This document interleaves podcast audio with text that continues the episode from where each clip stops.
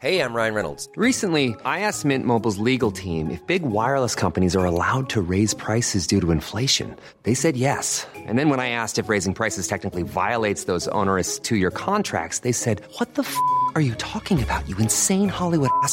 F- So to recap, we're cutting the price of Mint Unlimited from $30 a month to just $15 a month. Give it a try at mintmobile.com slash switch. $45 upfront for three months plus taxes and fees. Promo rate for new customers for limited time. Unlimited more than 40 gigabytes per month. Slows. Full terms at mintmobile.com.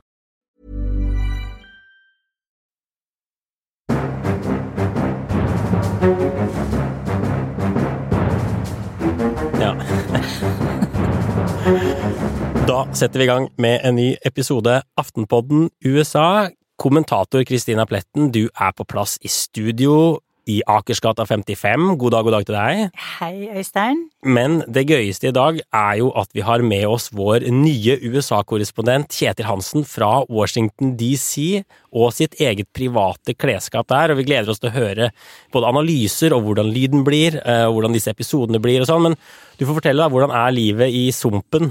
Livet i eh, The Swamp er eh, faktisk veldig ålreit. Um, nå er det jo, Det er nå er det jo 35 grader eh, jevnt og trutt. høy luftfuktighet, men innimellom så glimter det til. Det er veldig behagelig også. Er det aircondition i klesskapet ditt? I klesskapet er det ikke så fuktig, heldigvis. Da bor jeg da riktignok ca. én kilometer utenfor Washington DC, i delstaten Virginia. For grensen går ved Potomac-elven. Så det er mange som, som ikke bor i DC, men de bor i Maryland eller Virginia eller sånne ting. Hvorfor bor de i Virginia? Er det, er det skatteflyktning, skattegrunner, eller hva, hva er det som har gjort at du har bosatt deg der? Ja, jeg har jo flyktet for å gjemme mine milliarder, selvfølgelig, til hyggelige skattenivået i Virginia. Det er klart. Da hadde vel Delaware, altså Bidens hjemstat, vært et bedre valg, eller? Det er sant, det hadde er enda bedre. Ja.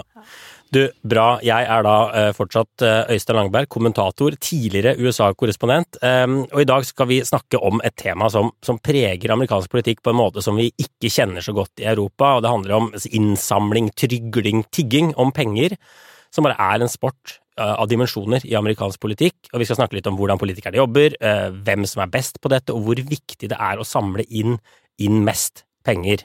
Eh, Men før det så har vi jo denne faste siden sist-spalten vår, og jeg tenkte bare vi får nevne et par ting der. Altså, det første er disse rettssakene mot Donald Trump. Nå har liksom datoene for når de skal skje begynt å komme, og i denne føderale straffesaken som gjelder eh, hendelsene 6. januar og forsøkene på valgfusk, den skal altså starte 4. mars, det er nå bestemt, som er dagen før denne superkjente supertirsdagen i primærvalget. Så, og, og vi vet også at det skal være en, en rettssak i mars og en rettssak i mai, og vi begynner nå å se liksom tydelig hvor heftig denne kalenderen kommer til å bli for, for Donald Trump og, vi får si, og verden og mediene og alt. Dette kommer til å bli et sirkus helt uten sidestykke. Ja, det ble mye overtid på deg, dette her. Eh, Det gjør nok det. det, gjør nok det. Nå, nå, nå eh, kan det jo fortsatt bli noen forsinkelser på den eh, 4. mars-affæren, som er på et tinghus rett der borte på andre siden eh, av elven. Men det som er viktig å merke seg, er at Donald Trump sier jo nå at denne datoen er enda et bevis på at det hele er eh, en sammensvergelse for å forhindre at han eh, vinner et nytt valg. Mens at dommeren sier at eh, den tiltalte Vi kan ikke legge opp rettssakene etter hvordan den tiltaltes agenda eller dagsorden eller timeplanen ser ut. Han får forholde seg til, til rettsvesenet. Nemlig, og Trump ville egentlig ha denne rettssaken i 2026, var det ikke det? Eller i hvert fall et par år frem i tid. Jo, det var Så det 2026 eh, de ønsket, og aktoratet ville ha den i begynnelsen av januar. Så et slags kompromiss i, i rektoratets favør der. Og så hadde vi jo debatten i forrige uke, eh, den første primærvalgsdebatten på, på republikansk side, som vi lagde en episode om, Kristina, sto opp tidlig.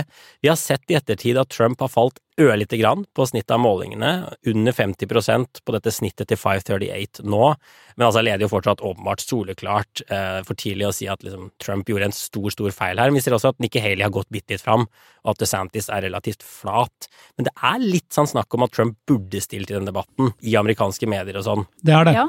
ja, jeg har sett en del eh, som eh, begynner å liksom i hvert fall pirke litt borti den ideen da, om Mm. at kanskje dette var et sånn bitte lite vendepunkt. Mm. Vi vet jo ikke om det er ønsketenkning fra deres side, fra Trumps sine Garantert motstanders side. Men, men så for eksempel at Haley har begynt å trekke mer folk til sine møter.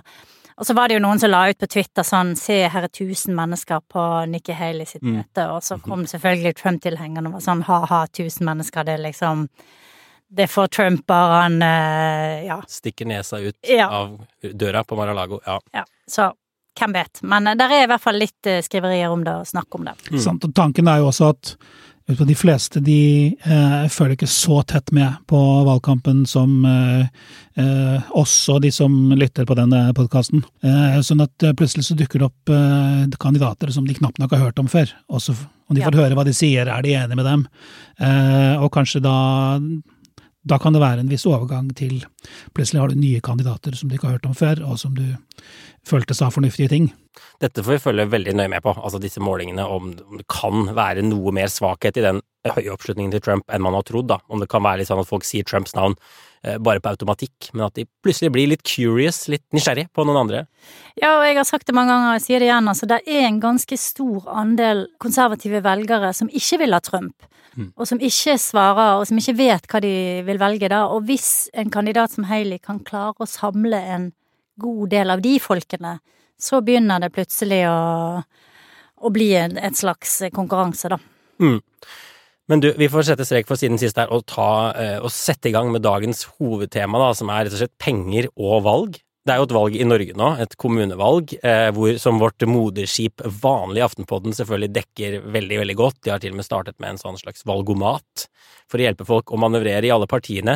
Men vi har sett at det er en debatt også i Norge nå om eh, valgkampfinansiering, blant annet, altså hvor partiene får pengene sine fra. Det er en gruppe som kaller seg Aksjon for borgerlig valgseier, som har gitt, eh, det er vel ti millioner, kanskje litt mer, til Frp og hvor man altså ikke vet hvem som står bak disse, disse pengegavene. Det skaper furore her hjemme på berget, og er interessant å følge.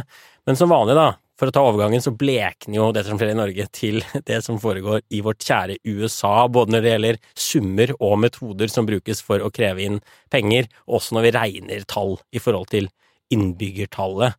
Vi kan jo egentlig starte med liksom hvor mye penger som går med på å drive valg i USA, for de har økt kraftig de senere årene. Altså presidentvalget i USA i 2020 er regnet å ha kostet 65 milliarder norske kroner, sånn cirka. Eh, som jo er bare helt enorme beløp. Og hvis man da i tillegg tar med kampen om Senatet og Representantenes hus, så er vi på 160 milliarder kroner, ikke sant. Og det er altså mye mer enn det var for noen år siden. Altså i, i 2016 er det regnet ut at eh, valgkampen, presidentvalgkampen kostet 29 milliarder, og i 2020 var det altså 65 milliarder. Det er inflasjonsjustert også. Så det er sjuke summer, sjuke tall. Ja, og så kan du spørre hvor går alle de pengene? Ja. Hvem sitter igjen med alle de pengene? Det er jo i ferd med å Altså, det, det er jo blitt en stor økonomi, ikke Mm. sant, der alt fra eh, de i de tidlige delstatene til konsulentselskaper, advokater, eh, de som leier ut privatfly, eh, TV-kanaler som selger reklameplass, det er ja. noe ekstreme beløp her også. Ja. så plutselig så har du en masse aktører som mer eller mindre er avhengig av denne pengekarusellen, som Mm. også, vil jeg påstå, bidrar til å korrumpere amerikansk politikk eh, på en måte som ikke er heldig, da. De virkelig store pengene går selvfølgelig til, til reklame og disse konsulentene som driver og tar opp interne Mm. målinger for, for, for kandidatene. Men det nye akkurat nå i år er jo at eh, Donald Trump bruker veldig mange av pengene sine på advokater. De fleste har jo noen advokater inne i bildet, men ikke den mengden eh, som Donald Trump, Donald Trump har. Men det som er sikkert, er at det brukes enorme krefter og noen ganske sånn skamløse metoder for å samle inn disse, disse pengene. Og vi fikk jo et ferskt eksempel på hvordan det foregår i forrige uke. Altså, jeg vet ikke, Kjetil, hvor lang tid gikk det fra Trumps mugshot var ute og publisert fra Georgia, til man kunne kjøpe de første T-skjortene av dette mugshotet på siden hans? Det må ha vært altså, sekunder eller minutter, det, jo, det lå jo bare klart. Det lå, det lå, det lå helt klart. Jeg satt jo oppe eh, eh, den kvelden og, og fulgte dette. Eh, og jeg må jo si at da det fengslingsfotoet kom, turte jeg ikke å publisere det med en gang, for det var, liksom, det var for godt. Mm. Det var for bra. eh, så jeg nølte litt og ventet, og så at det var i hvert fall et par kilder som jeg stolte på, som hadde publisert det før, før jeg la det ut på Aftenposten. Ja, altså Du var redd at det rett og slett var et fake bilde som noen sa at var Trumps fengslingsfoto? Ja, for Ja, for det, sirkul det sirkulerte allerede falske fengslingsfotoer av Ja. ham. Ja. ja, nei, vi kan jo, det kan jo være, det er jo sikkert en egen episode, bare analysere det uttrykket i ansiktet til Trump, og dette hadde jo helt sikkert trent på på forhånd. For det Mm. er jo et, et legendarisk bilde eh, allerede, får vi si. Det er det man kan lure på om han planla dette for å bruke det i pengeinnsamlingen, fordi det er jo veldig, veldig spesielt. Mm. Mm. Eh, Men det er riktig som du sier, det tok bare noen minutter, så kom de første e-postene fra, fra Trumps eh, kampanjeapparat Mm. med bilde på, og hvor de hadde dem klistret oppå hvite T-skjorter. og eh, De selger jo ikke da T-skjorter, de sier at du kan gi en gave på 47 dollar, og så får du gratis eh, T-skjorte. I posten. Med i Trumps fengslingsfoto på. Ja. De har blitt Ja. ekstremt gode på dette, dette etter hvert. Eh, og, og altså, den er jo så aggressiv, den pengeinnsamlingen, eh, at jeg har jo, var jo i USA i tre og et halvt år som korrespondent og vært på masse Trump-rallies, masse sånn demokratiske møter. Du må ofte oppgi telefonnummer og mail for å komme inn der, enten som, som gjest eller som, som journalist. Og det har utløst en sånn flom av mailer og SMS-er som er bare helt ut av en annen verden. Og jeg tenker at det telefonnummeret jeg har nå, eh, det kunne vært noe du kunne overtatt, Kjetil, men det er helt ubrukelig. Det kommer så mye SMS-er og så mye spam og søppel fra republikanere og fra demokrater. Og de kjøper og selger disse listene fra hverandre også. Du får jo også fra helt ukjente kandidater, og det er bare et sånt spill ut av en annen verden. Og alle våre tre mailbokser også er jo også helt sånn Jeg håper de har laget noen gode mailfiltre. Hvis ikke så er det nesten umulig å, å manøvrere. Og de følger jo nå altså, nyhetsbildet ekstremt tett. Så når, når Trump mm. skal arresteres i Georgia, så får du en, en mail fra sønnen til, eh, til Trump, Trump jr., liksom, hvor han skriver liksom 'faren min var just arrested' med store bokstaver. ikke sant? 'Nå må du donere', nå må du donere. Så kommer det et nytt.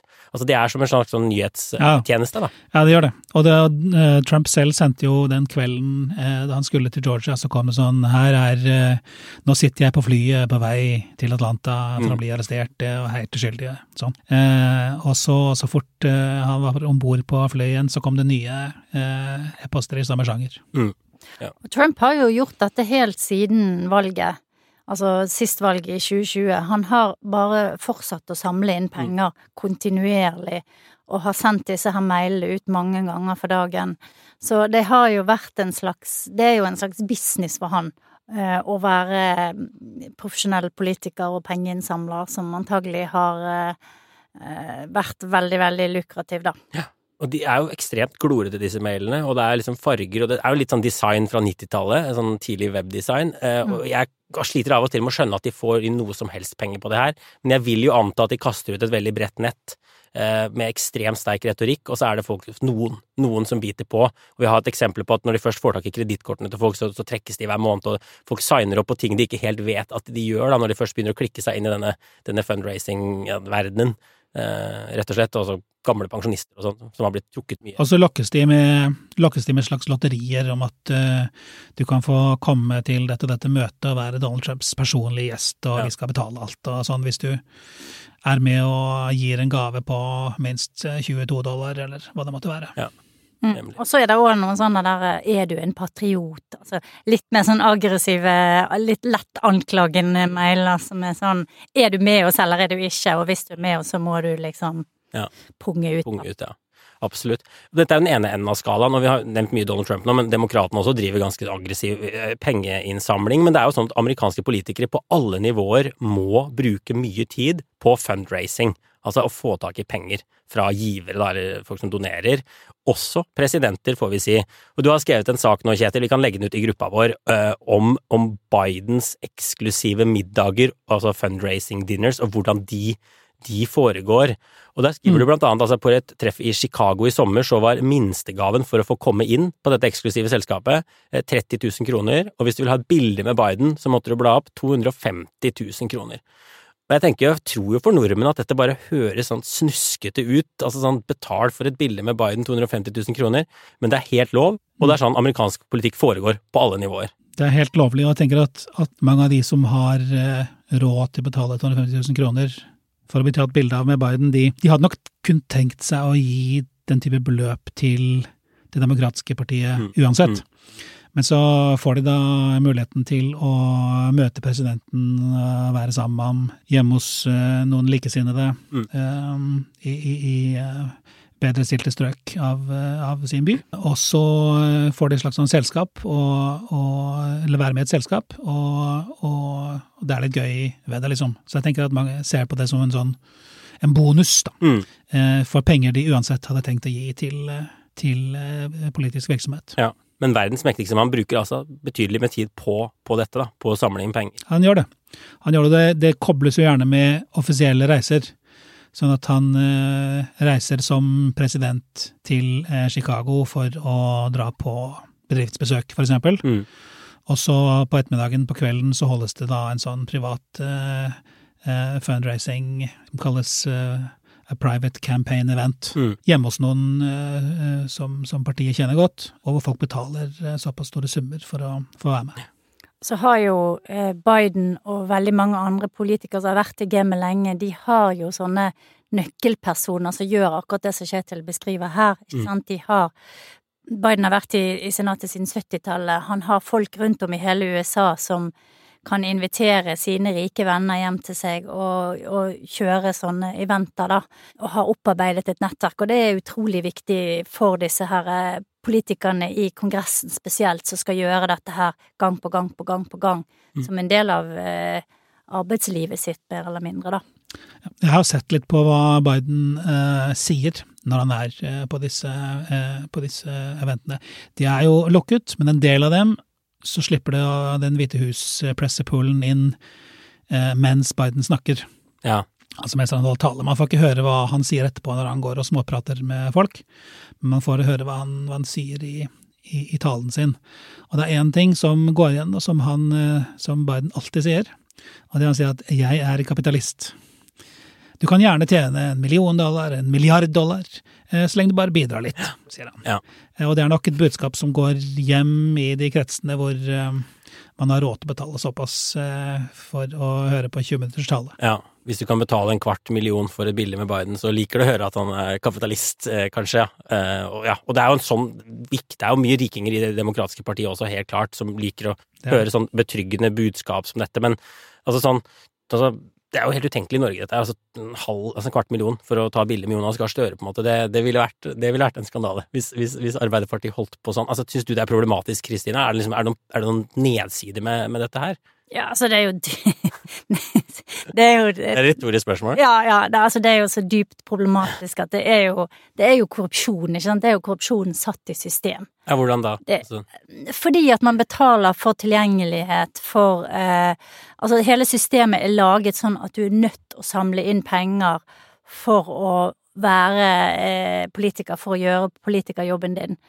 Så det er jo eh, et helt umulig system, da. Mm. Eh, og det har jo vært mange forsøk på å regulere det uten at det har vært noe eh, særlig vellykket. Eh, Men jeg ville bare eh, skyte inn dette med disse her lukkede møtene og middagen og sånn. Det er jo nesten i hver valgsyklus så kommer det jo sånne eh, Det lekker ut hva de har sagt. Ja. Og det har jo vært noen eh, tilfeller der det har for eksempel Mitt Romney, da, som klaget over alle som eh, var snyltere. mm. Eh, Ja, de senker garden litt og er litt ærligere, og så ja, det og så er det noen som tar opp liksom, ikke sant, i all hemmelighet og lekker det ut. Så Obama som sa at, at mange velgere cling to their guns, Ja, religion. Ja, helt. Hillary's in deplorables-kommentar kommer vel også på et sånt møte, hvis ikke jeg husker feil. Så det er jo en, eh, et lite minefelt også politisk for disse her. Ja. Men nå har vi snakket om Bidens middager, som er såkalte large dollar donations, altså enorme eller store pengebeløp til valgkamper og kandidatene fra rike personer. Og dette har vært veldig viktig i amerikansk politikk veldig lenge, eh, og bidrar selvfølgelig til at rike amerikanere har makt og innflytelse, sånn som du sier.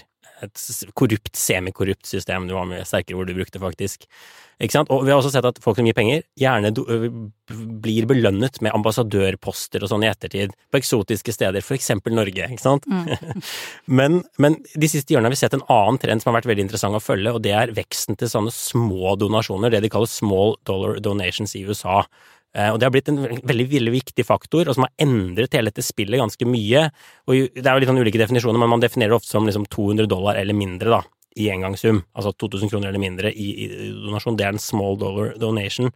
Det som har gjort det mulig, er sosiale medier, internett, fremveksten til de tingene der, har gjort at kandidatene på en billig måte kan nå veldig, veldig mange. Mens det før var, ikke sant, det er jo dyrt å arrangere disse eventene og, og sånn. Og det kan jo egentlig høres veldig bra ut. Eh, At det er altså, de som er for dette, eller som støtter dette, vil jo si at det er mer demokratisk, at vanlige folk kan gi, at det betyr mer hva vanlige folk gjør. Det svekker særinteresser og, og, og de rikeste og sånn. Eh, Hva tenker dere? Altså, er det en god, en god trend? Det er ikke så dumt. Altså, eh, en ting man ser Donald Trump er jo en, en eh, sterk profil i dette her også. Han er veldig god på å samle inn fra små beløp fra veldig mange givere. Og vi ser nå i det, i det republikanske partiet at, at de hadde jo også en, eh, de som fikk, skulle få være med på den første debatten, så må du ha så og så mange givere. Det handler ikke bare om hvor mange penger du samler inn eh, fra, fra eh, store, velstående givere, men hvor mange små givere du har. Og det er da en slags sånn erstatningsmålestokk for entusiasme blant velgerne. Mm. Mm. Den er veldig tydelig, da, for at så hvis folk faktisk velger å, å, å eh, bruke noen slanter eh, på å støtte sin kandidat, så, så er det et veldig godt tegn på at, at du er begeistret eh, for den kandidaten. Mm. så sånn sett så kan det være, for så vidt være en, en positiv trend. Jeg tenker at ja, i utgangspunktet så er det en veldig positiv ting, fordi at det sprer, eh, det sprer pengene utover, ikke sant. Det, det, det begynte jo med Obama, dette her, eller egentlig med Howard Dean Ja. i 2004. Ja. Eh, og Obama som utviklet det videre i 2008, da, og fikk masse, masse små beløp Mm. fra mange mennesker, og kunne dermed eh, danke ut Hillary Clinton. Eh, Som hadde donorklassen, disse rikingene i som ryggen. hadde Ja. rikene, rikingene i ryggen. Så det var jo et, et verktøy for eh, Et demokratisk verktøy som Mm. gjorde at ikke bare rikinger eh, hadde, hadde innflytelse. Så er det jo sånn at det også etter hvert blir brukt på måter som kanskje ikke er så bra. For eksempel så eh, brukes det i eh, delstats, delstatsvalg og lokale valg der, la oss si, yttersiden på høyre, altså Trump på høyresiden for eksempel, ønsker å fjerne en eh, republikansk kandidat som er mer moderat, Mm. i, et, i et mindre valg, da, som er liksom i en eh, by eller i en eh, kongressete, så kan de aktivere sine donorer, smådonorer, rundt i hele USA, ikke sant, få de til å gi masse penger til motstanderen, Mm. og dermed presse ut kandidater som eh, som kanskje egentlig har mer støtte i lokalmiljøet, sånn at de skaper en, sånn at de skaper en ubalanse Mm. i, som egentlig ikke er der på det lokale plan, da. Så det, det, det, er ikke, det er ikke udelt bra. Nei, altså jeg ser noen har sagt at dette kan også bidra til en slags sånn radikalisering, at det er de mest rabiate kandidatene som samler inn mest penger, og vi har sett litt eksempler på det, og, og at lokale valg altså Margie Taylor Greene da representerer egentlig et lite kongressdistrikt, eller et vanlig kongressdistrikt i Georgia, får vi si, men hun har blitt en nasjonalkandidat, og når hun gjør noe radikalt, så renner det inn penger fra hele landet, mm. og at, det, at moderate kandidater aldri vil kunne samle inn denne type penger fra, fra, fra hele landet, fordi det rett og slett ikke synes. Men for Eh, de godt. har ikke det nasjonale nettverket Nei, som disse her eh, Marjorie Taylor Greens har, da. Nei, ikke sant. Så, så noe mener at det har noen liksom, betydelige nedsider. At Ja. det pågår, altså bidrar til radikalisering. Men vi har jo også sagt, ikke sant, at det har en demokratiserende effekt, og vi har hatt kongen av small dollar, dollar donations har både vært Obama og Trump, så det kan jo fungere på en måte både for mer moderate politikere og mer ytterliggående, ytterliggående politikere, da. Så, det, så det, er, det er ikke sånn Jeg føler ikke at det er sånn kjempelett å trekke en konklusjon at dette her har vært en negativ ting for USA. Nei, men kan, samtidig kan du si at både Obama og Trump var jo veldig sånn outsider-kandidater. Ja Ja Som, eh, som ikke egentlig representerte bredden i partiet, da. Mm. Så sånn sett har de noe likhetstrekk. Det interessante med, med Trump i denne sammenhengen er jo at han eh, er jo en person som lever på et image som at han ikke har bruk for å samle inn penger, men klarer det likevel. Så det er litt spesielt. Ja, helt klart. Og så er det sånn, og det tror jeg mange ikke er helt klar over, at det er jo egentlig begrenset hvor mye penger kandidatene selv kan samle inn i USA. Det er et tak på 3300 dollar per person, som er så mye man maks kan gi til en kandidats offisielle valgkamp. Så det skal liksom begrense noe av pengemakten eh, en del. Men så er det en jungel av sånne andre innsamlingsformer, eh, organisasjoner, som gjør at dette her blir ganske sånn utvanna, og et begrep sikkert veldig mange har hørt, er superpack. Eh, som er kanskje de aller, aller mest kjente eh, sånn type organisasjon. Og vi trenger ikke å dra hele historien her, det er en podkast i seg selv, men den, disse superpacksene oppsto egentlig etter en sånn kontroversiell høyesterettsdom i, i 2010, og PAC står for Political Action Committee, som vi kan oversette med altså, politisk handlingskomité. Eh, Men vi kan kalle det et instrument da, som gjør det mulig å samle inn og bruke uendelige mengder penger på politiske formål i USA. Så man omgår disse nasjonale reglene for hvor mye du kan gi til en kandidat, ved å gi til en sånn superpack. Du kan gi så mye du bare orker, så mye du bare har på kontoen. Og du kan skjule hvem du er. Ja, og du kan skjule hvem du er. Ref, ref denne debatten i kommunevalget i, i, i Norge. Men clouet er at man i utgangspunktet ikke kan koordinere med valgkampen til den kandidaten man for eksempel støtter, eller bidrar med penger til den. Så hvis du har Ron DeSantis da, eller Donald Trump sin, sin valgkamporganisasjon, så kan du gi 3300 dollar til den, og så er det også sånne superpacks som støtter Trump i landskapet rundt, som kan samle inn så mye penger de vil, men de kan ikke si sånn 'denne uka skal vi angripe den og den politikeren', 'denne uken skal vi gjøre det og det', det er i utgangspunktet ulovlig. Og så sier jeg utgangspunktet, for her er det mye sånn gråsoner og sånn, og superpacks har jo blitt enormt viktig i amerikansk politikk. Ja, altså et godt og litt sånn artig eksempel er jo det som skjedde før debatten nå, der eh, det superpacken av og til gjør da for å omgå disse reglene, det er at de publiserer noe på nettet. På en sånn perifer nettside som ingen egentlig kan finne, ikke sant. Så det eh, superpacken til Ron DeSantis hadde gjort, var å publisere hele valgstrategien hans og hva han burde gjøre, altså eh, råd og veiledning til hvordan han burde opptre i debatten, og de, hva de trodde motstanderen ville si, og så videre. Ja. Og så lekket det ut. Men det er en måte superpackene kommuniserer med kampanjen eh, ved at de liksom publiserer noe i et rart hjørne av internett, og så mm. sier noen til kampanjen det ligger her, ikke sant? Ja. Og så har ikke de sagt det direkte til de, de har bare sendt det ut i space. Ja. For det man ser ofte, er at de som leder disse superpackene, er jo eh, folk som tidligere har vært eh, sentralt i den indre kretsen til, til kandidatene. Ja. Mm. Svingdør, eh, svingdørbeskyldningene kommer fort, og som gjør at de kan, hvis du nettopp har jobbet for en valgkamporganisasjon, så vil de jo vite akkurat hvordan de tenker og hva de ønsker, hvilke prioriteringer du, de har. Uh, og vi ser også at de blir utfordret hele tiden, disse grensene. Uh, for eksempel i Iowa så er jo denne Ron DeSantis Superpacken kjempeviktig, og de har bygget opp en stor infrastruktur for å banke på dører og drive den type ting, som egentlig ligger på siden av valgkampapparatet hans, men som vil gjøre en kjempeviktig jobb for han. Ja, for det de gjorde før, var jo, eller inntil for noen år siden, var jo at de samlet inn penger, så lagde de reklamefilmer til støtte for, for sin kandidat. Mm. Uh, men, men, nå, som du sier, de organiserer dørbank, ansetter folk Eh, i, i, de forskjellige delstatene. Og denne superpacken til, eh, som støtter Ron DeSantis, de har da holdt møter, og så har de invitert Ron DeSantis til å komme på møtene. sant? Eh, organisere valgmøter, sånn at det begynner å ligne veldig på, på en ren valgkamporganisasjon. da. Nemlig.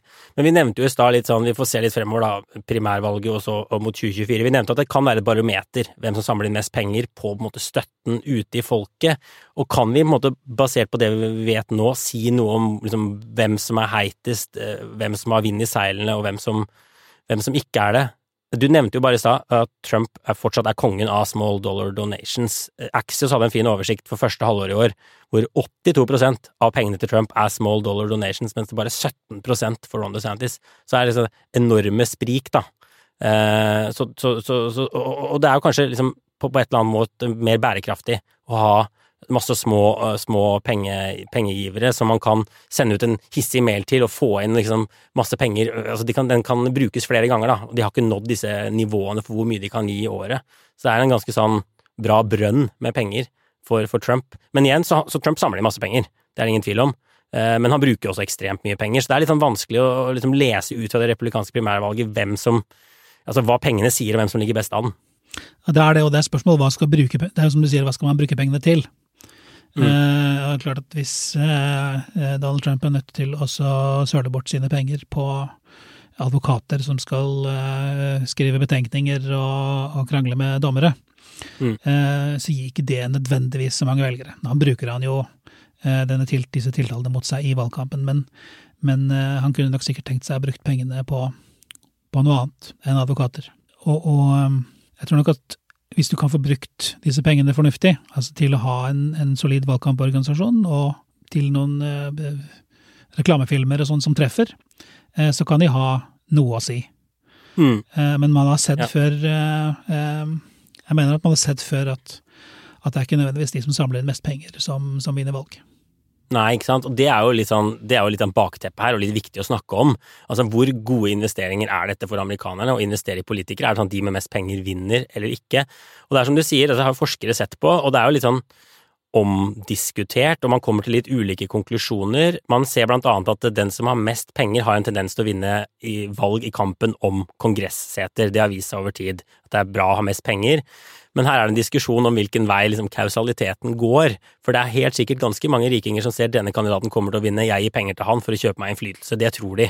Så det er ikke så lett å liksom separere disse tingene fra hverandre. Da. Altså, på et eller annet nivå betyr penger selvfølgelig noe, men særlig på toppen av amerikansk politikk så tror jeg de har konkludert med at i presidentvalgkamper og sånn, så så er ikke penger egentlig det viktigste. Du kan vinne uten å ha mest eh, penger, og alle har så mye penger uansett, og du ser at kandidatene er så kjente. Vi snakket om at reklame er veldig veldig viktig, det er det de bruker mye av disse pengene på.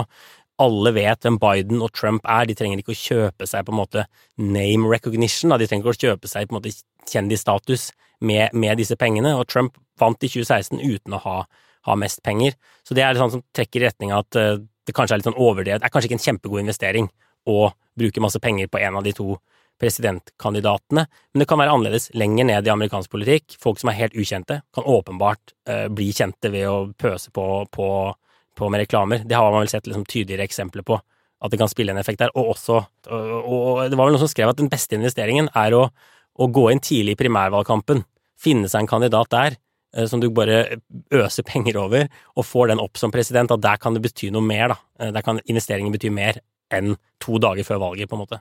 Presidentvalget, altså. Mm.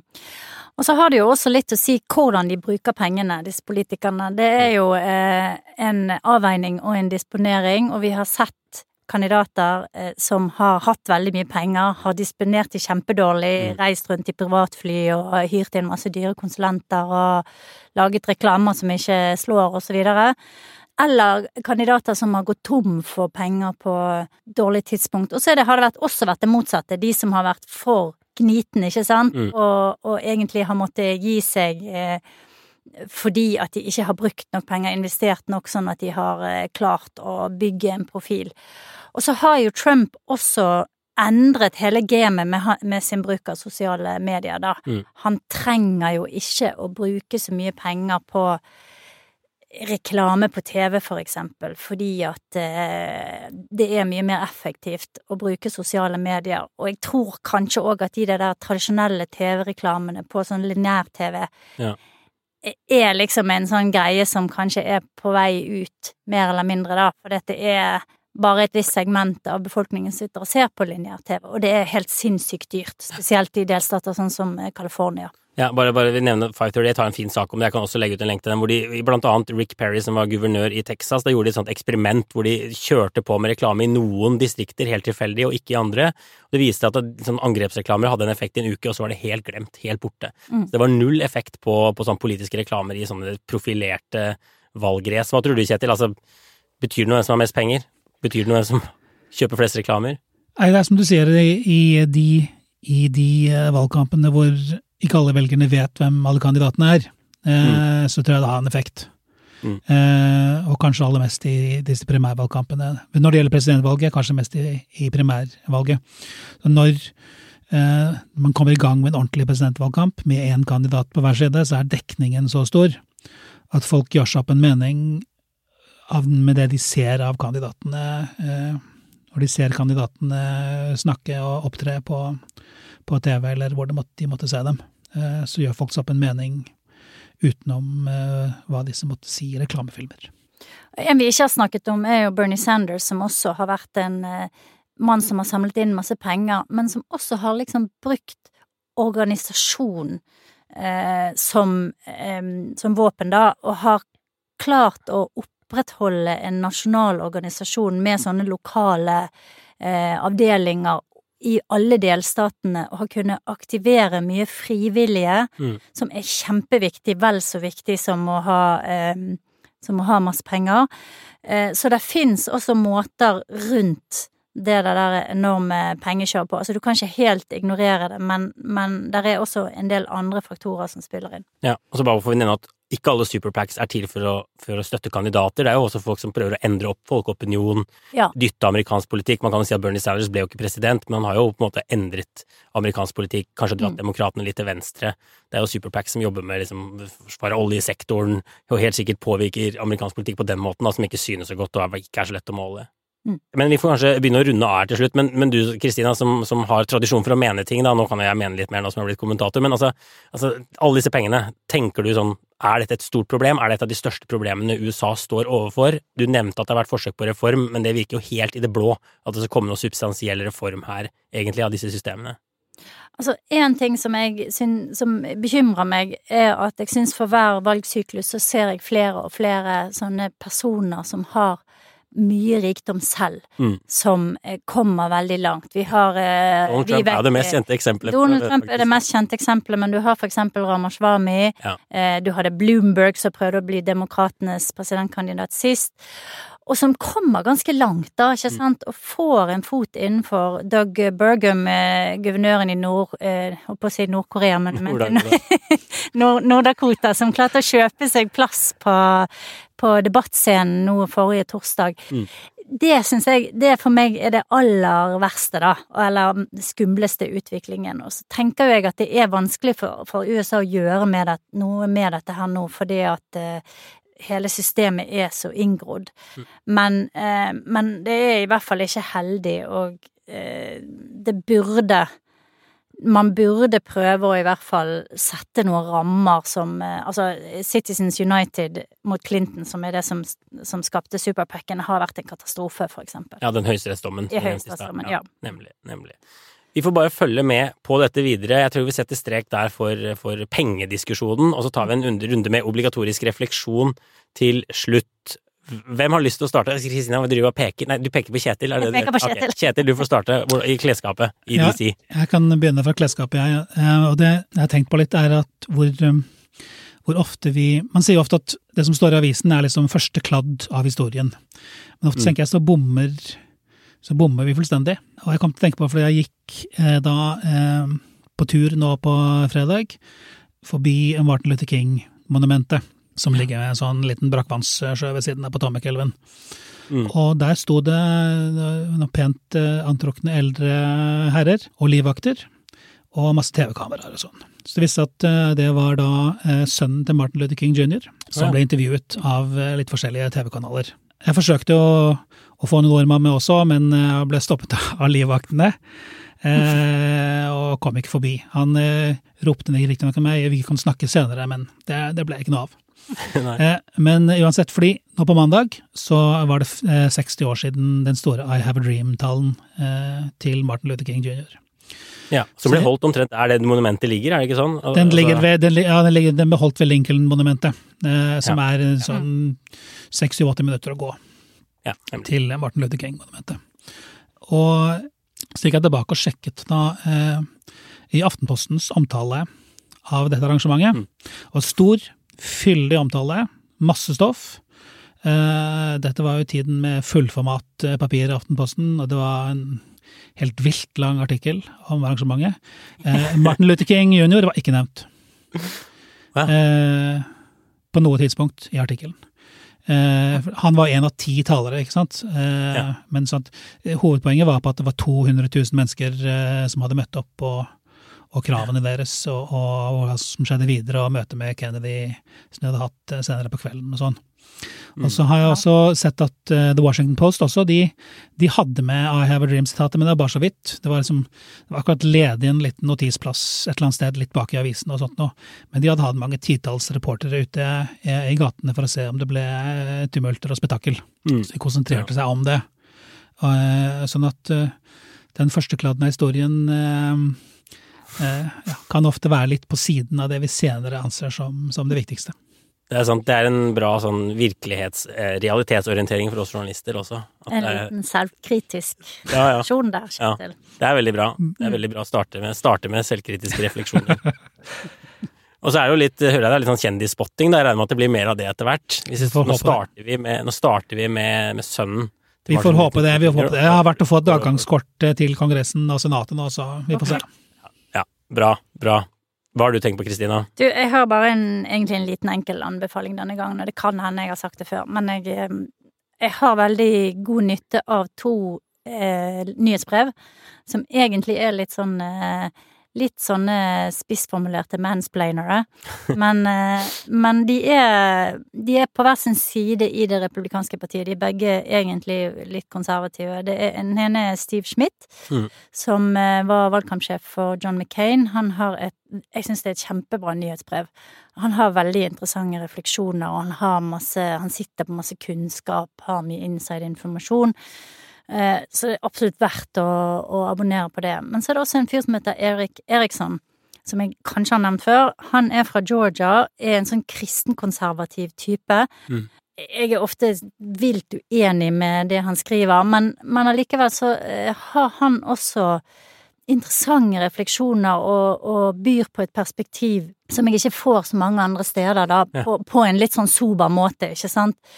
Så for meg er de to stemmer som, eh, som gir meg eh, et mye sånn ekstra i forhold til det jeg får fra mediene, og to anbefalinger som eh, Eller to ting som jeg vil sterkt anbefale nå når vi er på vei inn i valgkampen, også på grunn av disse rettssakene til Trump. Hvor finner man disse nyhetsbrevene? Har de nettside, egne nettsider, eller er de på De har egne nettsider. Jeg kan legge ut lenker i, I vår. Facebook-gruppe. Aftenpodden USA. Hvis ikke du er medlem, så eh, send en invitasjon, så gir vi deg eh, adgang så fort som bare svint. Det er sant. det er sant. Min OR den eh, handler om fotball denne gangen, og om mediehuset Vox. De har en sånn eh, podkast som heter Today Explained, og nylig har de hatt en episode om Lionel Messi, som også er fotballspilleren fra Argentina som tar USA med storm. For nå har han begynt å spille for eh, Inter Miami og scorer mål som bare det, og fyller opp stadioner og får sosiale medier til å eksplodere. Og vi får jo igjen denne debatten som har gått i USA i årevis, om dette er det endelige gjennombruddet for soccer i USA.